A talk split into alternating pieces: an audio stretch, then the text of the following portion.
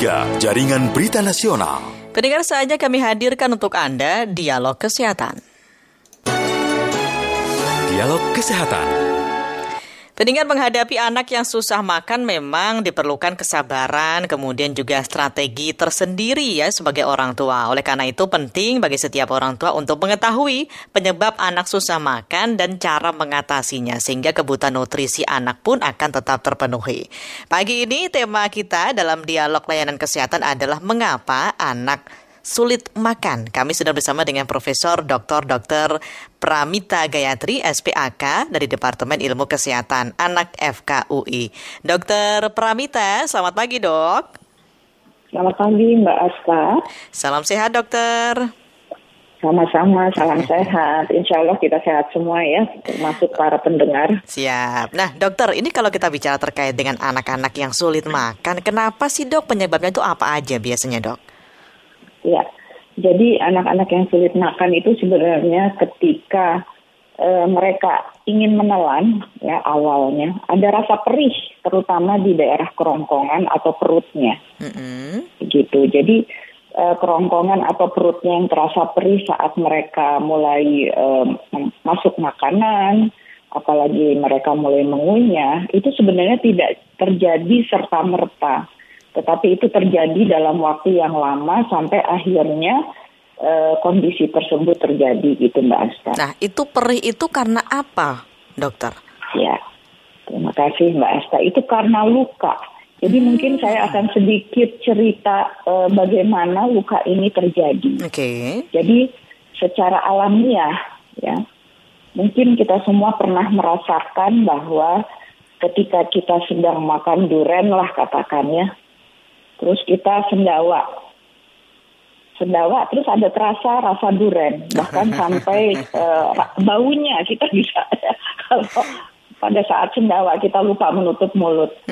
Ya itu itu namanya reflux. Jadi ada alir balik dari lambung yang isinya bisa uh, makanan okay. bercampur uh, udara dan uh, cairan lambung ya cairan yang diproduksi oleh kelenjar-kelenjar di lambung. Mm-hmm. Nah itu sebenarnya uh, proses uh, yang alamiah atau fisiologis. Ketika kita makan kenyang, biasanya kita burping atau sendawa. Nah kejadian uh, kenapa anak merasa perih pada saat menelan bisa luka, bisa terjadi luka. Jadi mulai dari peradangan okay. sampai luka itu memang jadi kemerahan, jadi kayak tangan kita kalau kesiram hmm. air panas tersiram ya.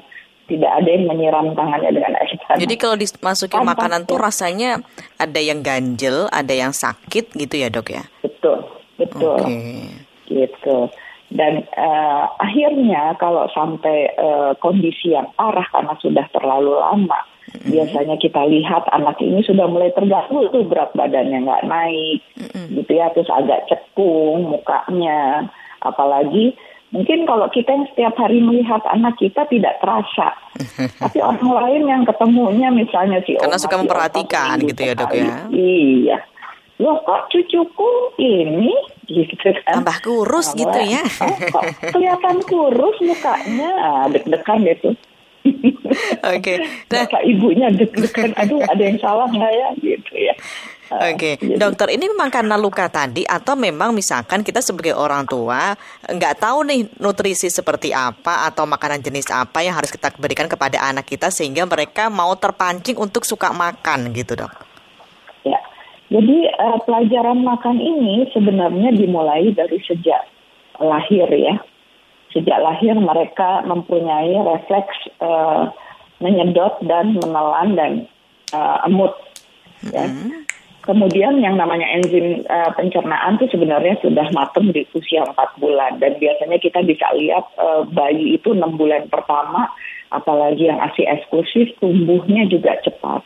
Okay. Nah, ketika pemberian makanan pendamping ASI, nah kan yang terbanyak uh, apa di sini gitu, yang suka uh, kemudian, aduh kok dia nggak mau makannya awalnya pinter gitu, mm -hmm.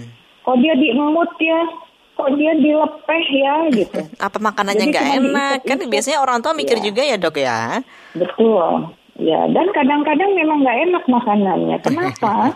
Karena ketika mereka berkonsultasi dengan saya ya, Ya. dia bawa anaknya, kita bisa lihat anaknya biasanya uh, sudah mulai ada gangguan nutrisi yang itu disampaikan ibunya. Ini tiga bulan terakhir kok nggak naik-naik ya dok ya di situ aja. Padahal kalau kita lihat uh, grafik pertumbuhan itu kan dalam satu tahun pertama atau dua tahun pertama itu melengkung ke atas kan, Ya. ada yang rata. Artinya apa? Nggak boleh anak itu tidak tumbuh. Tidak boleh anak itu berat badannya sama dari bulan ke bulan. Bagaimana saya tahu KNS boleh kita buat plot. Satu lagi yang eh, apa namanya dikeluarkan oleh Ikatan Dokter Anak Indonesia itu adalah aplikasi Primaku. Kalau bisa ibu-ibu punya deh. Karena semua ibu-ibu saya lihat nggak ada yang nggak punya gadget. Kadang-kadang gadgetnya melebihi saya dua, saya mah satu nggak habis-habis. Tadi namanya aplikasi apa dok? Namanya dok? Primaku. Primaku, oke. Jadi dari lahir bulan ke bulan kita bisa lihat titiknya karena kita masukkan berat badan, tinggi badan. Nah kalau tidak get along with atau eh, gambar kurvanya tidak sesuai dengan yang sudah ada tertera di situ, which is itu adalah WHO, Oke. Nah, kita boleh tuh, waduh, ini kenapa ya? Gitu. Kecuali kalau dia flu, semua orang tidak bisa tidak flu, sulit gitu ya. Eh, orang dewasa juga kemungkinan flu ada, apalagi anak-anak. Kalau jelas eh, apa karena sakit, ya itu dia flat nggak apa-apa. Tapi kok ini sakit enggak? Tapi kok nggak tumbuh gitu. Nah itu itu karena tadi perutnya sakit atau yang lebih eh, buruk lagi kerongkongan dan perutnya sakit. Oke, Jadi baik. dia eh, tidak mau menelan atau sulit menelan. Itu anak yang susah makan itu bisa jangka panjang atau misalkan di usia tertentu ini yang eh, biasanya memang seperti itu gitu dok. Ya, jadi eh, proses belajar makan itu terjadi pada eh, enam bulan pertama, satu tahun pertama, dua tahun pertama, ya. Jadi proses-proses itu kalau dilalui dengan baik, sebenarnya sih eh, setelah dua tahun tidak masalah.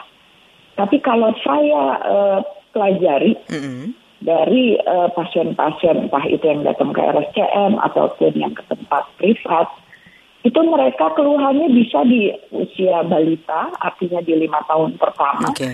tetapi ketika ditanya sebenarnya dia itu ibu lihat atau ibu merasa ini kenapa ya kok sulit ya makannya itu mereka pasti bilang bayi Nah, bayinya ibu-ibu ini yang harus kita tanya lagi.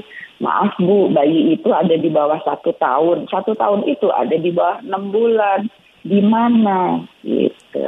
Oke, baik. Nah, nanti rata-rata mereka biasanya pas eh, di enam bulan sampai satu tahun.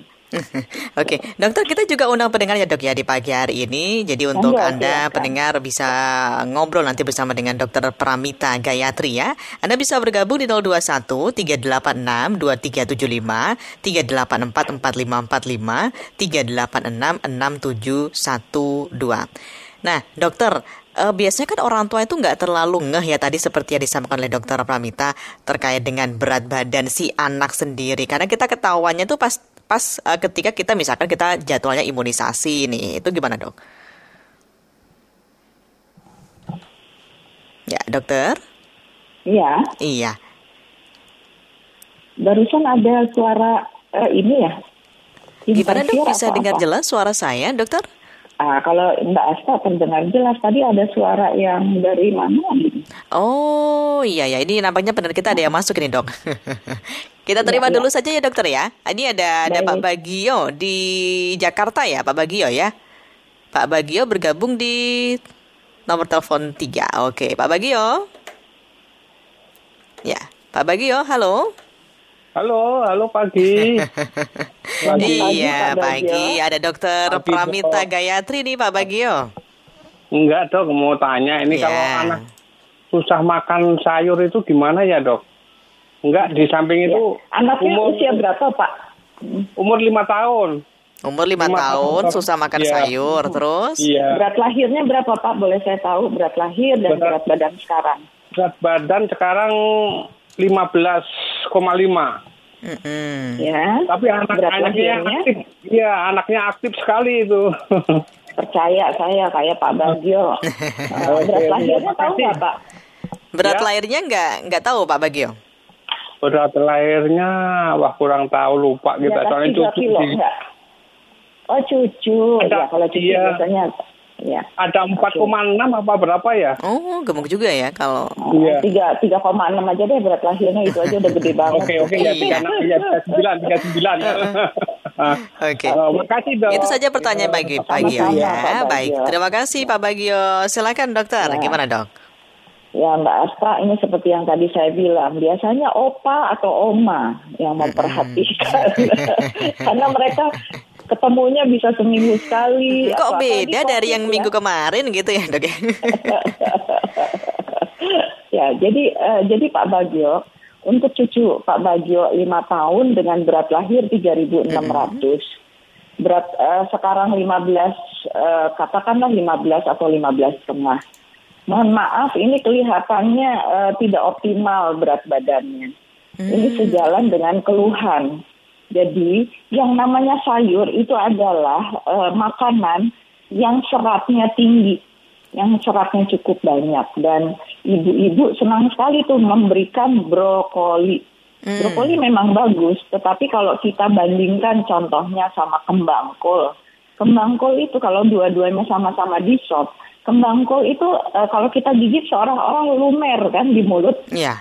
gitu. Tapi kalau brokoli kita harus agak usaha ekstra Oke. karena agak getas gitu ya. Hmm, ya ya dok. Nah, jadi yang namanya lambung itu kalau eh, mendapatkan makanan yang berserat, biasanya eh, dia akan memproduksi eh, asam lambung yang berlebih. Makanya kadang-kadang saya sampaikan ke ibu-ibu, terutama untuk anak-anak yang sedang eh, saya terapi gitu ya, eh, sebaiknya brokolinya diganti ke kembang kol. Kan itu biasanya organik, organiknya udah bagus ya, Ya. tapi kalau kita sedang eh, mengobati, sedang dikendalikan asam lambung yang berlebihan tersebut, yang tidak pada tempatnya, Mm, gitu oke. ya, itu eh, berikanlah makanan yang mudah dicerna. Oke Nah, baik siap. Contohnya itu. ya. Iya, dokter Nah, jadi, sebelum eh, kita lanjutkan lagi ngobrolnya, kita jeda dulu dokter ya, jangan ditutup teleponnya. Monggo. Ada sekilas Monggo. informasi dari ruang gatekeeper. Kilas Berita. Kilas Berita. Kementerian Kesehatan melaporkan jumlah jemaah haji yang tiba di Indonesia dan terpapar virus corona kembali bertambah. Jemaah haji yang baru tiba di ta- dari tanah, Cu- tanah suci dan positif COVID-19 dilaporkan menjadi 22 orang. Kepala Pusat Kesehatan Kementeri- Kesehatan Haji Kementerian Kesehatan Budi Silvana menyebut bahwa per 21 Juli kemarin sudah ada 22 orang jemaah yang positif dengan rincian 19 orang dari debarkasi Surabaya dan satu orang dari debarkasi Solo. Untuk informasi selengkapnya dan informasi menarik, menarik lainnya, Anda bisa baca di rri.co.id.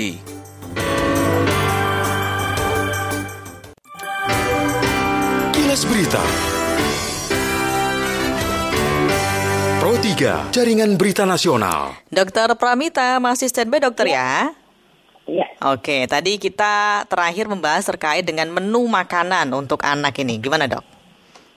Ya menu makanan. Yang tadi saya tambahkan sedikit. Oh, ya. kenapa dia akhirnya tidak senang sayur? Mm-mm. Karena ketika dia makan sayur, rekamannya timbul nyeri. Hmm, ya. Itu tadi karena perlu berlebihan. Nah, eh, menu sehat untuk eh, balita, ya, terutama pada bayi dan balita, itu kita eh, harus mengikuti alamiah dari saluran cerna sendiri. Itu sebenarnya adalah eh, pakem dari makan yang ada di seluruh dunia berlaku, yaitu makan itu kan breakfast, lunch, dinner Mm-mm. ya. Jadi pada saat breakfast, lunch, dinner jam 6 pagi, jam 12 siang, jam 6 sore itu adalah asam lambung terbanyak yang dihasilkan oleh eh, lambung. Jam 9 dan 9 pagi dan 3 sore di situlah tempatnya snack, di situlah susu, dari usia satu tahun memakai gelas 200 ml di pagi, 200 ml di jam 3 sore. Ditemani dengan snack. Snack itu bisa berupa buah, Oke. biskuit, Mm-mm. eh, apa namanya, eh, mau es krim, ada ekstra es krim, jelly, mau yogurt, campuran dari itu silahkan. Kalau roti, jangan roti yang besar. Roti unyil maksudnya yang roti-roti kecil boleh. Yang lembut Panganan. juga ya dokter ya. Ya, ya lembut relatif soalnya. ya. Jadi, ah, nah, Oke. jadi eh, prinsipnya itu dan menu makanan utama breakfast, lunch, dinner itu harus komplit. Apanya yang komplit? Komposisinya, yaitu mengandung karbohidrat 50%, eh, protein 20%, lemak 30%. Anda lihat bahwa ini udah 100% nih Hmm. vitamin dan mineral yang bentuknya adalah sayur dan buah itu secukupnya. Jadi tidak ada OCD pada anak. Pagi-pagi hanya diberi buah, pagi-pagi diberi susu, gitu ya.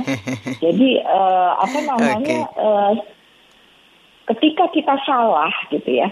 Ketika harusnya eh, diberikan komplit, tetapi kita berikan hanya buah, ada yang hanya air putih, saya Iya. juga nggak tahu dari mana ini, gitu ya. Asam lambung itu tetap diproduksinya banyak, karena memang pakemnya begitu. Oke, gitu. baik. Siap. Dan itu yang akan menggerogoti dinding eh, lambungnya awalnya. Oke. Nanti, ra- ya. Oke, dokter, ini ada yang bergabung lagi dokter ya. Kita terima dulu dokter. Ada Pak Udin di Boyolali. Silahkan. Pak Udin. Halo Pak Udin. Selamat pagi, Assalamualaikum warahmatullahi wabarakatuh. Waalaikumsalam. Silakan Pak Udin. Waalaikumsalam. Ya, dok, Ibu Dokter Gayatri. Enggak. Iya, silakan Pak Udin. Oh, Ya, apakah benar eh, kok orang makan roti bakar itu menyebabkan orang itu jadi susah makan nasi? Itu Ini kan untuk anak-anak atau dewasa tuh Pak? Eh, kayaknya sih untuk anak-anak dan dewasa kayaknya. Anak-anak juga dewasa ya. Roti bakar ya. Ya. Ah, ya roti bakar. Demikian terima kasih. Roti yang ditus mungkin ya Pak ya maksudnya ya. Jadi anak SD ada Ah, yang terputus ini Pak Udin ya. Mm-mm. Ya, terima kasih Pak Udin. Jadi Mbak Asta, eh, Ya. roti yang ditus itu biasanya dilakukan oleh anak-anak eh, SD, SD-nya SD lebih besar dan remaja biasanya. Gitu karena em, orang tuanya juga begitu, jadi mereka copycat. Ikut-ikutan ya dokter. Jadi prinsipnya adalah roti, jadi yang mengandung karbohidrat ya, Mm-mm. entah itu karbohidratnya berupa tepung, pati ya, ataupun eh, gandum ya, ataupun beras. Prinsipnya itu semua akan mengenyangkan dan itu diperlukan pada ketiga ma- eh, waktu makan utama tadi, breakfast, lunch, dinner. Gitu. Dan itu porsinya separuh dari porsi makan mereka. Jadi beda dengan dewasa. Kalau kita lihat eh, di dewasa, mereka sepertiga, sepertiga, sepertiga, sepertiga karbohidrat, sepertiga protein, sepertiga eh, sayuran. Tidak ada lemak di situ karena orang dewasa udah molek-molek nggak perlu lemak. Nah, oke, siap. Dokter, ini ada pertanyaan lagi eh, dari pendengar kita melalui WA Pro 3 ya dok ya. Kalau anak nggak suka makan, tapi dipaksa makan sama orang tuanya, itu bagus nggak sih dok? Atau gimana? Ya, Ini dari Eh. dari dari Bu Ratna ya di Jakarta ya. dari Bu Ratna. Ya, terima kasih Bu Ratna. Eh, saya paham ini adalah drama tiap pagi, terutama ketika eh, termasuk sekarang pada saat daring ya. Karena biasanya pengalaman saya kalau saya tanya itu mereka bangun setengah jam sebelum mulai daring. Ada yang bangunnya setuju setengah tujuh karena jam tujuh mulai. Nah, jadi pemaksaan itu secara psikologis semua orang eh, sependapat tidak baik gitu ya. Oke. Karena ibunya biasanya ngomongnya sambil melotot dengan nada yang Ayo tinggi. makan. Nah, iya, kalau itu mah manis nggak apa. Oh kurang kurang kurang ini ya, kurang kurang marahnya ini. gitu. Matanya itu loh. Ngomongnya mungkin ayo nak makan tapi matanya itu loh. Hmm, udah melotot- melotot ini pagi-pagi. Betul. Jadi gestur ibu gitu ya. Nah, kalau melihat gitu biasanya si ayah bingung. Dua-duanya adalah orang yang dicintai. Mana yang mau dia bela gitu ya. Makanya kadang-kadang si ayah, papa ini kok diem aja sih lah dia bingung mau belain siapa. Oke.